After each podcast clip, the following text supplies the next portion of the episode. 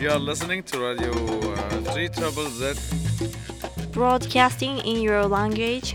3 Triple Z. Melbourne Ethnic Community Radio.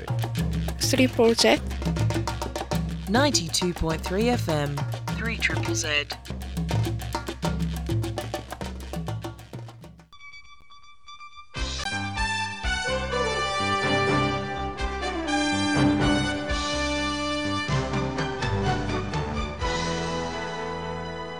Der amerikaner-jüdische Rov und Komiker Jackie Mason ist gestorben in New York im Alter von 93 Jahren.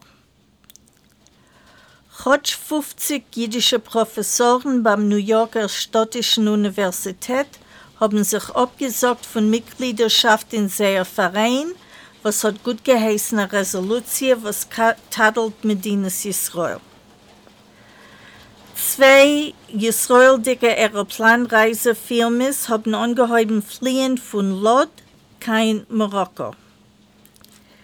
Die Anti-Defamation-Liga und die Firma PayPal forschen euch, wie so Kriminalen nutzen euch die Internets finanziell unterzustützen kriminelle Aktivitäten.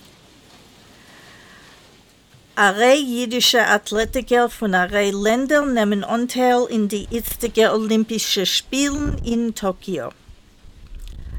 Amerikanische föderale Polizei haben zugenommen 17 Einzelnen von einem Elicitatiehäus in Brooklyn. Sie seien enttäuscht, als die Einzelnen seinen zugegangen wird geworden von jüdischen Eigentümern bei Groben.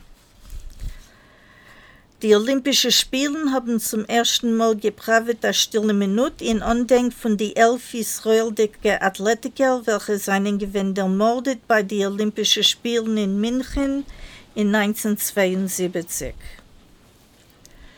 Danny Dayan wird dienen wie der neue Vorsitzende von dem Yad Vashem. Der jetzige Vorsitzende geht auf Pension nach 27 Jahren. Die kanadische Regierung wird ausgeben herre 5 Millionen Amerikaner Dollar auf Sicherheitszwecken bei lokalen jüdischen Institutionen in Licht von dem Wuchs in antisemitischen Anfällen bemäßigt von den vorigen fünf Jahren. Israel wird zum ersten Mal sein der Gastgeber von der Miss Univers Extravaganza in der Stadt Elat im Dezember Jahr. Die britische Arbeiterpartei hat ausgeschlossen, vier weitling gestimmte Fraktionen für Verschweigen politischen Antisemitismus. Sie hat auch eingeführt ein neues Panel von unabhängigen Advokaten zu betrachten Beschuldigungen. Neue Kandidaten werden zugegräht werden zu bekämpfen dem Antisemitismus von der britischen Arbeiterbewegung. Der Historiker Anita Nowinski ist gestorben in Brasil zu 98 Jahren.